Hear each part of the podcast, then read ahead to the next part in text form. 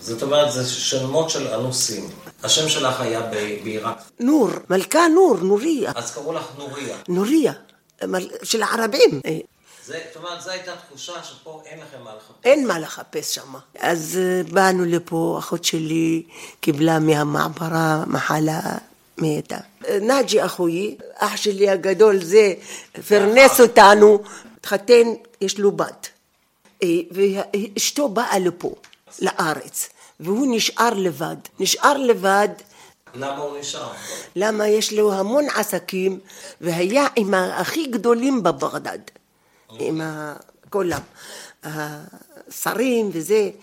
נשאר הרבה זמן עד שתלו אותו, ונכניסו אותו, הרי יש עוד בן דוד שמה, אמר לו נאג'י תצא, והערבים היו שותפים בבית מלון בלונדון, תצא, אני ערבי ויוצא, תצא.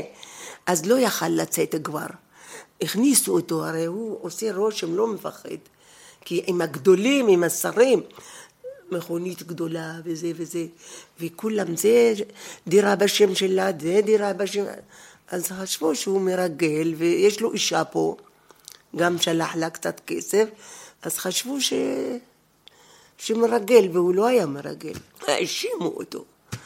ואח שלי הגדול דאג וגם מת מהתקף לב, למה לקחו את הבן שלו בית סוהר, ואת אח שלו בית סוהר, מה נשאר לו? הסתדרנו ומצאתי את שרה. שרה מנו זאת, זאת אישה נהדרת, זאת אשת חיל. התחתנתי, היה חיים קשים מאוד. הלכתי למושב, עבדתי לילה ויום בתפירה. היה לי, עד היום הזה יש לי חיים קשים. לא יודעת איך אני מסתדרת, אבל אני אופטימית ומחייכת, וזה מה שיש, משלימה עם מה שיש.